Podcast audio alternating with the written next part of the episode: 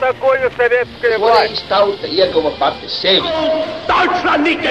Liktenīgas nejaušības un slēptas likumsakarības, subjektīvas patiesības un objektīvi aizspriedumi. Pēc atkušņa nekad nenāk uzreiz pavasars, bet sākās Arī šodien cilvēki ir ļoti tuvredzīgi. Viņi redz to naudu, kas ir. Televīzijā jau pamatā notiek cīņa par varu. Pagātne no šodienas skatu punkta un šodienas caur pagātnes prizmu. Raidījumā šīs dienas acīm. Katru svētdienu Latvijas radio eterā Eduards Liniņš. Labdien, cienījamie klausītāji! 1989. gada pēdējie mēneši ir laiks, kad Austrum Eiropā brūk komunistiskā sistēma, un šīs pārmaiņas vairumā Austrum Eiropas valstu var dēvēt par samtainām revolūcijām, bet ir viens izņēmums, un tā ir Rumānija, kur šī revolūcija ir asiņaina, salīdzinoši upuriem bagāta. Mans sarunbiedrs studijā profesors Ilgvars Butulis. Labdien! Labdien! Šis laiks, kas reizēm tiek dēvēts par tautu rudeni, pretstatā 1848.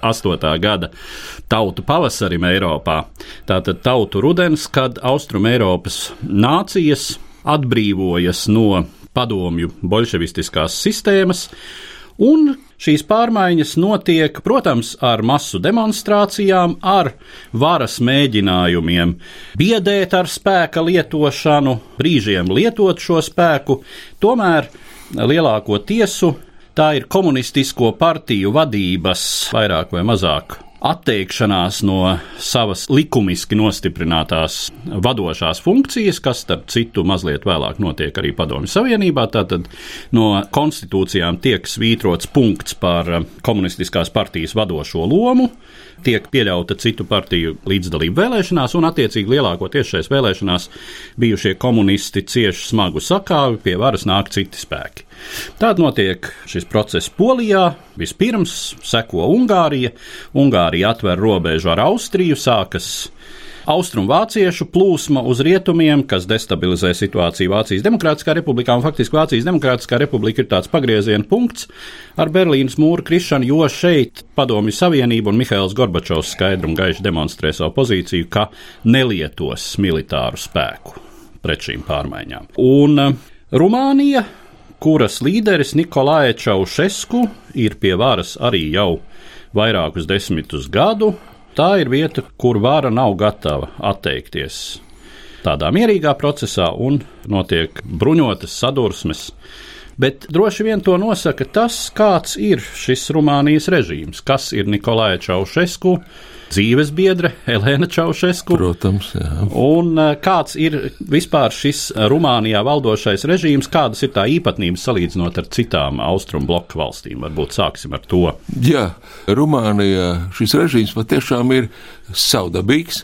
Tas ir režīms, kas iekšpolitikā, iekšējā dzīvē ir izteikti gandrīz vai staļiniski, neostaļiniski konservatīvs, bet kas ilgāku laiku no 65. gada, tātad no tā gada, kad kļūst ar pirmo cilvēku valstī Nikolai Čaušesku, un līdz pat, varētu teikt, 80. gadu sākumam ar tādu interesantu ārējo politiku, kas ir unikāla šajā padomju savienības tuvāko satelītu vidū un raksturojas ar izteiktu Rumānijas patstāvības pasvītrošanu, ar nepiedalīšanos Varšavas līguma manevros, ar citādām attieksmēm un ar tādu ārējo politiku attiecībā pret Savienotām valstīm, pret Vācijas Federatīvo republiku, Izrēlu, nu 68. gadā Čehoslovākiju, arī Rumānija faktiski ir Čehoslovākijas Prāgas paus ar sabiedrotājs.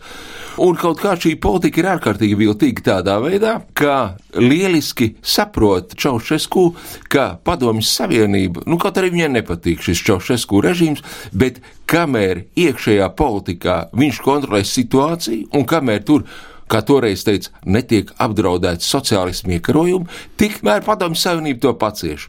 Un ir Rumānijā, ja mēs runājam par īpatnībām, vēl viena lieta, ka Rumānijā jau pirms Čaušesku, sākot no 40. gada beigām, jau Pat Staļina laikā Čaušesku priekštecis Georgi Georgiju Dešs, viņam vienīgam visā Austrumē Eiropā, izņemot, protams, Dienvidslāviju, kas ir cits jautājums, tur pie varas ir nevis šie staļinisti, bet faktiski nacionāli komunisti. Un 58. gadā, jau Hruščova laikā, tad Rumānija ir vienīgā valsts, no kuras padomju saimnība labprātīgi izved karaspēku. Šeit ir daudz variantu, kāpēc tas tā. Viens no tiem pat nopietnos darbos par to ir rakstīts. Tas ir Hruščova veiksmīgās lāču medības 58. gadā Karpatkalnos, kas tika norganizēts. Nu, Rumāņi bija gan viltīgi šī Rumānijas vadība un zināja viss Nikits Sergejevičs šīs īpatnības, bet tā vai citādi 58. gadā tika izvest padomju armija. Un šāds savijums, ka no vienas puses ārkārtīgi konservatīva iekšējā politika, un otras puses patstāvīgi varbūt dažreiz pat afektēta. Te varētu minēt piemērus. 24. partijas kongresa padomu savienībā Čošesku ir godu viesis, un eh, kad visa zāle aplaudē un lec kājās un runā Brežņovs, Čošesku ir aizmidzis, viņš guļ, viņš nedzird. Bet savukārt, kad kaut ko nosod Brežņovs savā runā un viss piekrītoši māja ar galvām, tad pēkšņi Čošesku saka aplaudēt. Artistiski tādi piegājieni, bet tas bija šim režīmam raksturīgs. Protams, ja mēs runājam par šo, varētu teikt, dubult diktatūru, tātad faktiski tā ir ģimenes diktatūra, un kas arī šādā ziņā izceļas uz šī Austrum Eiropas fona. Ko varētu lielā mērā saistīt ar mūsdienām, kad šādas ģimenes vai klānu diktatūras ir raksturīgas postpadomju valstīm, bet gluži vairs ne Eiropā, bet tālāk uz austrumiem, Ne, nu, teiksim, Azerbaidžāna Jā, un līdzīgi. bez šaubām. Un tā lēš apmēram, ka 300 līdz 400 tuvākie rādi, draugi, radu rādi, kaimiņi, tā vai citādi atradās ne jau vienmēr augstākajā šā Romānijas elitē, bet faktiski veidoja šo klānu. Bet eh, jāsaka tomēr tā, ka 65. gadā nāk Čaušesku pie varas līdz 71. gadam. Viņš pat zināmā mērā salīdzinoši ir tāds liberāls, dažādas liberālas reformas. Viņš cenšas radīt par sevi labu iespaidu, bet kad tas mainās un kad patiešām šis režīms strauji jau kļūst par to, kas viņš ir, tas ir 71. 72. gads, pēc tam, kad Čaušesku laurātais pāris, Elēna Čaušesku un Nikolai Čaušesku viesojas Ziemeļkorejā un viesojas Ķīnā. Un šī Ziemeļkorejas un Ķīnas realitāte ārkārtīgi fascinē šo Rumānijas laulāto pāri un arī šajā laikā, teiksim, Maucedunas sievas īpašā vieta Ķīnā, Cianciņas kundzes, jeb biedrenes Janciņas, tā arī virza Elēnu Čaušesku, un arī viņa kļūst faktiski par otro personu valstī. Ja mēs runājam par šī pāra reālo izglītību, reālo sagatavotību, viņiem abiem ir četras klases, ne vairāk, un viņi abi bija ārkārtīgi kāri uz goda nosaukumiem, un sevišķi uz zinātniskiem goda nosaukumiem. Un Rumānijas pēcdienestiem, kad abi viesojās ārzemēs, vienmēr bija uzdevums panākt to, lai viņiem piešķir kādu godu nosaukumu. Piemēram, viesošanās Meksikā, Jukatānas Universitātes godu doktori abi divi.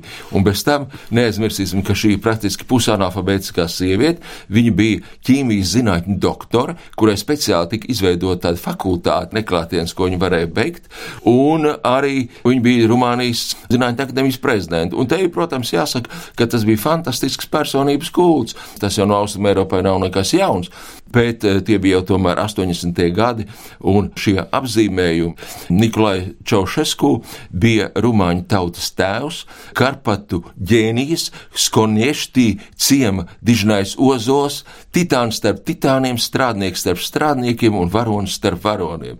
Un Elēna Čaušesku, protams, viņa bija nācijas māte, bet viņa bija mūsu domu Donava. Tātad, nu, fascinējoši šis kults. Es vēl atceros Jā. tādu internetā lasītu sociālisma polāra zvaigzne vai Jā. vadzvaigzne. Jā, protams, tur mēs veseli varam vārdītus sastādīt, bet reizē ar to valsts vīram, valsts pirmajai personai daudz kas ir atkarīgs no dzīves biedras. Viņai bija gan divas lietas. Viņa bija skaista sieviete, jaunībā viņa bija pat kļuvusi par maija karalieni, protams, tā savā ciemā, bet tomēr un ar dzelzs gribu, neapšaubāmi.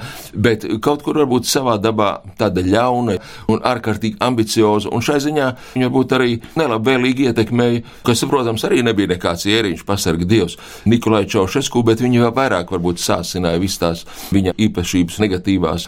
Un vēl viena lieta iesaista ar šo personības kultu, ka Čaušesku pāris pat ļoti korektus iebildumus nespēja uzņemt eh, normāli. Nikolai vienmēr sakas histērija, padoties, zinādām, ka tūlīt būs šī histērija vēlēšanās, runā jau zinādām, kā biedram patiks vadošajam. Tā viņi arī savā starpā sauca lielo burtu rakstīja biedrus. Kā biedram patiks. Un tā reālā situācija un reālā izpratne Čaušesku dzīvoja citā pasaulē jau savā sevis beigu valdīšanas laikā. Tāda konkrēta detaļa, runājot par Elēnu Čaušesku, 90. gadu sākumā arī Latvijā šie teksti parādījās tās augtās dienas grāmatas. Dienas grāmatas mm -hmm. Bet uh, tagad internetā meklējot, vairs īpašas atsauces uz to neizdodas atrast, vismaz tā ātri meklējot, un tie fragmentiņi kuri šur tur parādās. Nu, jāsaka, lai pie visas tās odiozitātes, ko mēs zinām par Čaušesku kundzi, rāda aizdomas par to, vai šis teksts ir autentisks. Jā, jums ir taisnība, tā ir problēma. Čaušesku kundzes teksti, ko tā dēvē, vairāk nekā 12,000 lapušu. Un tas publicētais pie mums varbūt vēl bija īsāk, bet parasti arī rietumos un citur ir 170, 200 lapušu konkrētie izvilkumi. Vai tas ir viltojums vai nav? Par to daudz runā. 2005. gadā tika izveidota neatkarīga Rumānijas Zinātņu akadēmijas komisija, kas skatījās šo un mēģināja izvērtēt, un tomēr izvērtējums bija tāds, ka tas nevar būt viltojums. Jautājums, vai tiešām tas tā varēja būt, ka, piemēram, lāču medības, kas šajā gadījumā tiek rīkotas par godu Francijas komunistiskās partijas Jā. ģenerālsekretāram, ka tur tiek šauts nevis uz lāčiem, bet uz lāču ādās iešūtiem ungāriem, kas tiek dzenāti pa kalniem. Nu, kaut kas apmēram tāds. Jā, protams, jautājums paliek atklāts. Ir arī tādi varianti, ka tās dienas grāmatas ir, nu, teiksim, tā piešpicētas, jeb kaut kur sāsina. Nu, kā tas notiek, kas -hmm. to izdarīs? Bet tas ungāru moments ir un 78. gadā aizbēga viens no slepenā dienas sekuritātes vadītājiem, Jons Pačepa. Viņam iznāca grāmata, vārds tūkojumā lasīja to grāmatu Sarkanie horizonti. Un šajā pašā dienas grāmatā tā, tā, viņas eksperimenti norauj mušai kājas, muša bez kājām var kustēties. Vai Ungārs, ja viņam noraus kājas, vai Ungārs varēs kustēties. Bet zinot šīs sievietes, visas tās izrīcības ārpus dienas grāmatas, kad ierīkot novērošanas kameru savus meitas guļamistabā, lai skatītos un priecātos par meitas mīļāko mīļākiem, un viņas izvērtētu. Tas jau vien liecina par acīm redzot kaut kādu novirzi, novirzi. Katrā ziņā par to, ka mums nav par ko brīnīties. Es domāju, attiecībā par šo sievieti, ja mēs runājam. Jā, bet runājot vispār par Čaušesku režīma attiecībām ar šo Ungāru minoritāti, kas ir ļoti ievērojama Rumānijā un, kā zināms, visu 20. gadsimtu šī Transilvānijas teritorija, kur pa vidu rumāņu kompakti apdzīvotām teritorijām. Tā tas vēsturiski ir izveidojies. Transilvānijā dzīvo savukārt ļoti blīvi kompakti ungāru minoritāte, un uh, šī teritorija 20. gadsimtā vairāk kārt ir gājusi no rokas rokā.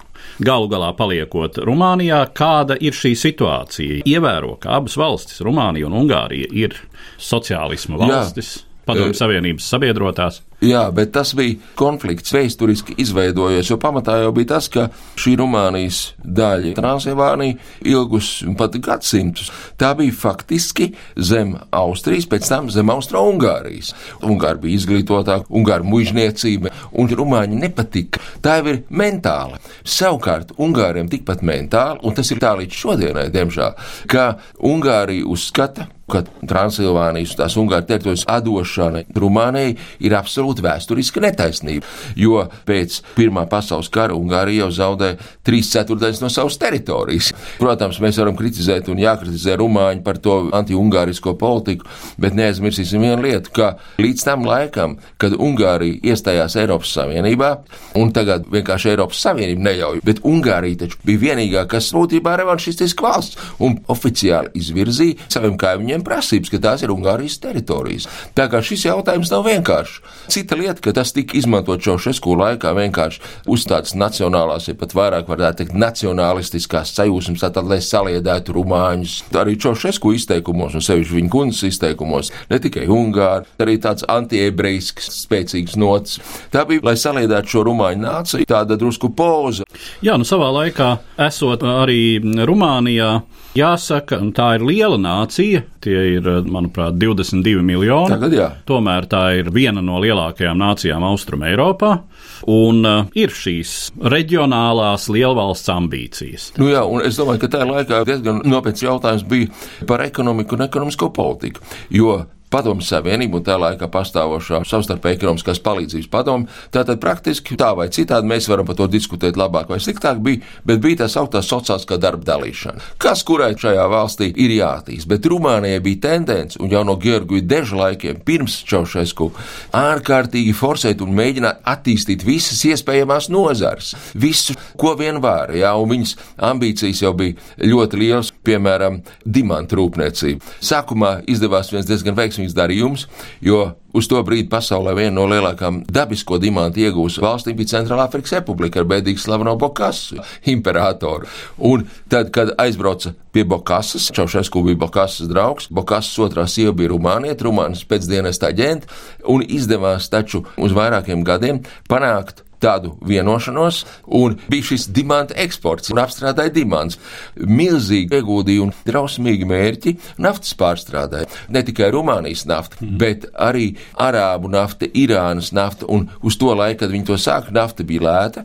Tātad domas būs naftas pārstrādes rūpnīcas, tātad šī Arābijas nafta, tuvu austrumu, video austrumu nafta nāks visu uz Rumāniju, un Rumānija kā starpnieks, un būs stāvus bagāti. Tātad tie bija tādi megalomāni, tādi briesmīgi plāni plāni. Atgriežoties jau varbūt pie tā beigu posma, ir jāteic tā, ka Rumānija bija vienīgā valsts, bet viņa arī to izdarīja, kuras samaksāja savus parādus 12 miljardus, sākot no 83. līdz 89. gadam, 89. gada pavasarim. Samaksāja savus parādus, bet ko tas maksāja Rumāņu tautai, par to varētu, teiksim, runāt īpašā sarunā. Tas bija kaut kas drausmīgs. Un tas arī bija viens no tiem iemesliem, kāpēc Rumāņiem beigās Čaušesku jau pieminot vien šo vārdu, tas tracināja.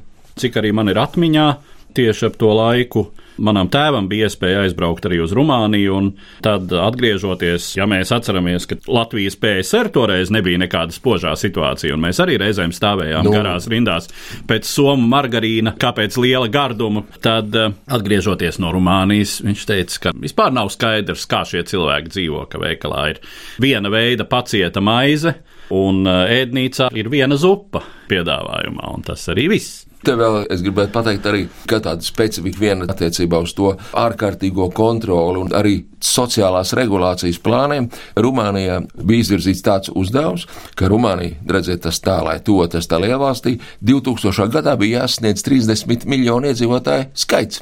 Kā to panākt? Protams, ar drausmīgu administratīvām metodēm. Tā tad sievietēm aizliegti aborti. Fabrikās tas vispār bija totāli. Strādnieces, tām vairāk bērnu, regulārs ārsta apstākļi apskats. Un, nedod Dievs, ja bija kaut kādi aizsardzības kontracepcijas līdzekļi, tas bija neiedomājami. Un reizē ar to bija ārkārtīgi liela mirstība, nelegāli aborti. Un tajā pašā laikā, ja tas būtu saistīts arī ar to, ka, teiksim, kaut kā tika stimulēti ar naudu, bērnu pabāzt, bet tādas jau nebija iespējams dot, tas arī tautu dzina tādā izmisumā. Tā kā šeit tipiski tāda kazārmju sociālisma, visi tie priekšstati un arī kā tas tika realizēts. Tad ir skaidrs, ka visapkārt Eiropā notiekot šiem pārmaiņu procesiem, pietiek ar nelielu incidentu, kas sākas tieši Rumānijas-Ungāru daļā, Timišvārā 16. decembrī, kad sākotnēji Ungāru pulcēšanās, lai aizstāvētu vienu konkrētu Ungāru mācītāju, kuru vāra ir apsūdzējusi pretvalstiskā rīcībā, pārauga masu demonstrācijās, tās tiek apspiestas ar brutālu spēku, un tad jau iet vaļā. Tas kritiskais lūzuma moments, acīm redzot, ir 21. decembris, kad vara pulcē laukumā pie Rumānijas partijas centrāla komitejas ēkas tautu demonstrācijai, tātad sociālistiskā kursa atbalstam, un Čaušesku mēģina šo tautu uzrunāt. Nu, kas tad tur notiek? Jā. Te uzreiz jāteic, ka vairāki uzskati šodien ir pētnieku vidū. Viens no tādiem, vai tas bija stihiski šie mītiņi, vai tie bija inspirēti. Jo pavisam nesen pirms tam bija šis Rumānijas kompartijas kongress, kurā visi kliedza 62 reizes aplaudēja Čaušesku. Atmiņās ir dažādi, vai palīdzēja vai nepalīdzēja visu to norganizēt un realizēt vai nu Padomju Savienība, vai nu Amerikas Savienotās valsts. Ir tādi varianti. Arī ir tādi diezgan apšaubām centrālās izlūkošanas pārvaldes augsts darbinieku memoāri, kurā viņš raksta, ka faktiski Padomju Savienība un Savienotās valsts kopā. Jo Rumānija bija neizdevīga un nevajadzīga gan Padomju Savienībai šis režīms. Faktiski Rumānija un arī Čošesku režīms bija sevi iedzinusi stūrī. Jo Padomju Savienība. Tur izolācija no tās puses. Rietumiem vairs viņi nav interesanti, jo interesanti bija tad, kad uzstājās pret Padomju Savienību, bet tad jau Padomju Savienība gāja priekšgalā. Tagad arī tā Rumānijas vērtība rietumācijas zud. Šeit ir grūti spriest, un es neņemos spriest, un to, man liekas, neviens nevar tā no malas, kā tad bija īstenībā, bet kas varbūt liecinātu par Padomju Savienības līdzdalību. 6. decembrī pavisam neilgi pirms tam Čaušesku ir Maskavā, jo viņš jūt, ka kaut kas ir jādara, bet Gorbačovs pieprasa, vai atkāpieties, vai reformas. Un kā viens rumāņu ģenerālis, kas ir pavadījis šo šesku, atcerās savos memoāros ģenerālis Dina, tad Gorbačovs pēc būtības ir draudējis. Kā jūs gribiet, biedri Čaušesku, bet neaizmirstiet, ko es jums teicu, kas var notikt un tā tālāk. Otra lieta - neaizmirsīsim, ka Nacionālās frontes vadītājs Jons Iliesku, kas vada tur visu to, un tūlīt pēc tam ir šī pirmā persona, viņš ir Gorbačova studiju biedrs, kursbiedrs Maskavas universitātē. Viņi bieži tiekas arī līdz tam, un viņi ir ļoti labi pazīstami. Un vēl ir viena lieta, kas tad bija, kas šāva? Parastais variants ir armija, kur bija kā tautas pusē, ja ne uzreiz, bet pāris dienu laikā tas risinās, un no jumtiem šāva šie drošības spēku sekuritāte, tātad slepena policija. Bet interesanti ir tāda lieta. Saka, tur tūkstots kritušo vismaz un baigās cīņas. Neviens sekuritātes pārstāv līķis nav atrasts nekur. Neviens arī nav tiesāts. Un kas tad bija? Tas ir lielā mīkla, milzīgā. Daži saka, arābu teroristi, ko bija Čaušesku nofraktējis, jo viņam ar arābiem bija labas attiecības. Bet ir arī varbūt tāds variants, ka varbūt tie bija, nu mēs nevaram teikt, no kurām ārzemēm, bet kaut kādi ārzemju spēcdienesti. Jo ir diezgan pārbaudīts ziņas, bet, teiksim, arī Rumānijā to tālāk neskaidro, ka vairākas dienas jau pēc Čošesku nāves no Bukarestas un no citām lidostām, tā lai būtu tas izkliedētāk, ir aizbraukuši vairāki simti atletiski izskats sportisti. Bet nekas nav tajā laikā, nu kāds sporta pasākums. Jā, bet sportisti. Viņi ar lielām somām. Jā, šeit es negribētu velkt nekādas vēsturiskas paralēlas, jo nav arī taču skaidrs, ja mēs atceramies Lietuvas 90. gadu no Latvijā. Janvāra notikums, nu kas ir skaidrs? Septembrī es biju Ukrainā, Kievā ar kolēģiem tikos un konferences bija, un viņi visi kā viens saka, ka Maidanā, kā tas ir noticis, ir ārkārtīgi daudz kā līdzīga un nesaprotams lietas. Kas tie bija, no kurienes arī Rumāņi izvirstos jautājums. Tagad jau tas vairs nav aktuāli, nu labi, nu bija, bija. Jā, jautājums ir par šo upuru skaitu un tā novērtējumu. Tajā laikā rietumu presē, starp citu, parādās vienkārši neiedomājami skaitļi runā par 56 tūkstošiem bojā gājušos vai nemieros. Šobrīd apmēram tiek lēsts, ka tūkstoši cilvēku tomēr šajās sadursmēs starp armiju un kādiem Jā. citiem pretējiem spēkiem. Oficiālā versija ir, ka tā ir šī sekuritāte, kas ir tātad Rumānijas valsts drošības komitejas no, analogs par šo upuru skaitu. Tas apmēram atbilst patiesībai. Cik es esmu lasījis avotos, tūkotos, nu tā lēš šodien, ka apmēram tūkstots šajās dienās ir gājuši bojā. Un šeit ir jautājums, kas tiek vērtēts ļoti dažādi. Tas ir par šo šajā skolā pāra sodīšanu. Vai tas bija likumīgi? Un kāpēc tas tā notika un kā tas notika? Protams, tas notiek ārkārtīgā steigā. Otrakārt, tolaik oficiālais viedoklis, kāpēc šī nošaušana, jo, lūk, sekuritātes aģenti var atbrīvot. Vēl ir viens, ja mēs tā mazliet dziļāk parokam, ka tie, kas bija šajā Nacionālās glābšanas komitejā, tie visi taču bija līdzstrādnieki. Gan sekuritātes, gan arbijas un tuvi Čaušesku līdzstrādnieki. Un tolaik arī ārzemēs teica, vajadzēja procesu. Ja būtu process, tad, protams, tāds vīrs kā Čaušesku neklusētu. Un tad šie lielie revolucionāri, nu viņi iegūt pavisam citādi, kas viņi ir bijuši un kad viņi par tādiem ir kļuvuši. Tāpēc labāk tikt ātrāk no Čaušesku vaļā. Ir, protams, vēl divas lietas, ko šai sakrībā gribētu pateikt. Cik tas bija reāli grūti pateikt, bet gan kinokadra to rāda, gan tās stenogrammas, kā viņam piedāvāja un viņa kundzei vienīgo iespēju glābties arī šajā tiesā. Jūs taču neesat normāli. Mēs uztaisīsim bērnīzi, ievietosim jūs slimnīcā. Viņi jau neticēja sākumā, bet to viņiem, mēs nevaram teikt, vajadzēja darīt, bet tā varbūt bija iespēja kaut kāda. Un ir šodien grūti iedzināties tā laika psiholoģijā un arī izjūtā, bet nu, paralēls prasās paši no sevis. Es atceros lieliski to laiku, tas bija 91. gada augusts, pēc augusta puča tūliņa. Es biju tajā ļaužu pūlī, kas bija pie centrāla komitejas un skatījās, kā izved Rubiku. Un es dzirdēju visas tās sarunas, un Rubiks teica, šausiet, bet viņš nopietni domāja. Un tie vīri mūsu civilā, bet visa Kalašņikoviem un šajā pūlī kādas sarunas. Parasti cilvēki Kā tu domā, vai tūlīt šaus? Tāpēc, ka revolūcija cilvēki jau mainās pēc tam jau likumība un tā tālāk, bet tas viss ir pēc tam. Tajā situācijā jau domā daudz savādāk. Bet interesanti ir tas, ka arī daudzi, kas jau bija saistīti ar šo procesu, sevišķi justīcijas ģenerālmajors Popa, kas vadīja šo procesu, viņš tādā mīklainā nāvē 1. martā 90. gadā, tas ir pēc trim mēnešiem nepilniem, cits saka pašnāvība, bet tur tā diezgan mīklaina tā pašnāvība. Un neviens vien tur šoferi un tā tālāk saistīta visu to pavisam drīz nozūd. Tā kā sevišķi tīri šī lieta, protams, nebija. Bet tas arī ir Rumānijas specifika, kad jau vēl Čaušesku ir pie varas, aizsardzības ministrs ir ģenerāls dēls eh, Vasila Miļa. Tātad šis Vasila Miļa negrib šaut uz šo tautu. Viņu atrod pēc tam jau nākamā dienā miruši, kad Čaušesku vēl ir formāli pie varas. Cīvēns saka pašnāvība, cits saka novākts. Daudz autori saka tā, ka tas ir un kas arī tā laikmeta liecinieki, ka Rumānijā grūti bija saprast toreiz, jo tas režīms un viss, kur beidzas realitāte, ja, un kur sākas fantasmagorija. Tas viss savijās tādā, ka pat šodien cilvēki, kas to laiku it kā atceras, saka, grūti pateikt, kā tas viss bija.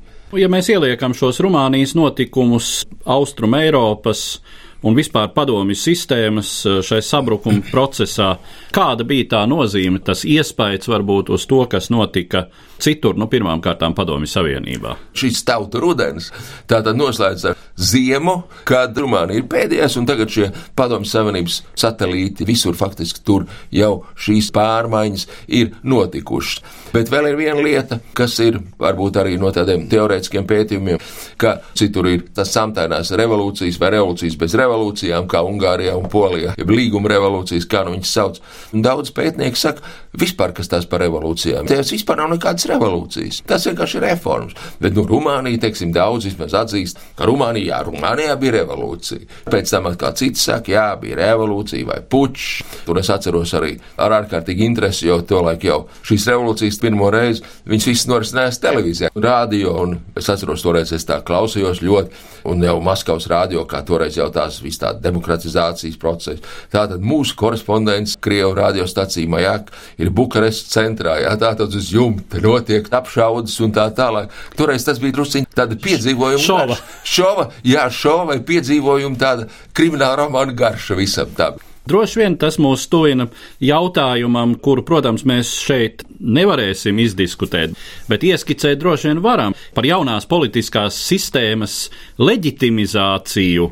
Ir aspektā, ko jūs pieminējāt, tātad, ka nebija īstu revolūciju, ka bija maz barikāžu, bija maz šaušanas, bija maz asiņu. Un, um, taisnība sakot, tādi motīvi kaut kur ir klātesoši, nu arī domājot par mūsu politisko realitāti. Kā jūs teicāt, šīs Jā. līguma revolūcijas, kad kompartijas un arī ar tām saistītās drošības struktūras šo varu lielā mērā noliek tādā vienošanās procesā, kas Latvijas gadījumā reizēm izskan 4. maija režīms, ka tā nu nav tomēr tā īstā Latvija, jo tur ir pārāk daudz šīs vienošanās ar iepriekšējo padomju okupācijas režīmu. Jā, ko pierādīja visas šīs revolūcijas kopā, ja mēs skatāmies uz viņām kā procesu toreiz 80. un 90. gadu mijā un arī padomu saimnībā tur 1991. gadā. Un kas ir interesanti, tas bija pirmo reizi vispār Eiropas vēsturē, un varbūt pasaules vēsturē, ka pēc satura tās pārmaiņas, nu tas ir revolūcija, tas, kas notiek. Bet kā tas notiek? Tā ir reforma. Tā tad revolūcija, bet kas notiek kā reforma. Nevis, teiksim, akurāt ar milzīgiem sacelšanās ar asinīm un tā tālāk, bet vai mēs varam teikt, ka tāpēc, ka Polijā vai arī Ungārijā faktiski komunistiskā partija labprātīgi atdeva varu, un tad šīs pārmaiņas, viņas taču bija revolucionāras, tā tad bija pavisam jauna iekārta, bet tas Kā tas notika? Nu, tas bija kā reforma. Un no vienas puses tas ir kā tāds šīs attīstītās Eiropas sabiedrības iekarojums, ka revolūcijas notiek kā reforma. Tas ir tāds interesants jautājums, un tas ir atkarīgs no tās konkrētās valsts. Mums ir grūti iedomāties, un mēs jau redzam, kā piemēram notiek revolūcijas tagad Arābu valstīs. Tur nav iespējama revolūcija, lai norisinātos kā reforma, bet Eiropā tas ir iespējams, un tas ir interesanti. Acīm redzot, tāpēc, ka Toreiz bija jau 20. gadsimta beigas, tagad Protams. ir jau 21. gadsimta sākums, un tas notiek acīm redzot tomēr citādi nekā 1848. Nu, bet gadā. Ar tādu secinājumu mēs arī noslēdzam mūsu šodienas sarunu, kas bija veltīta Čaušesku režīma bojā ejai Rumānijā 1989. gada nogalē, un es saku paldies manam sarunbiedram, vēsturniekam Ilgvaram Butulim. Jums paldies! Katru svētdienu Latvijas radio viens par pagātni sarunājas Eduards Līniju.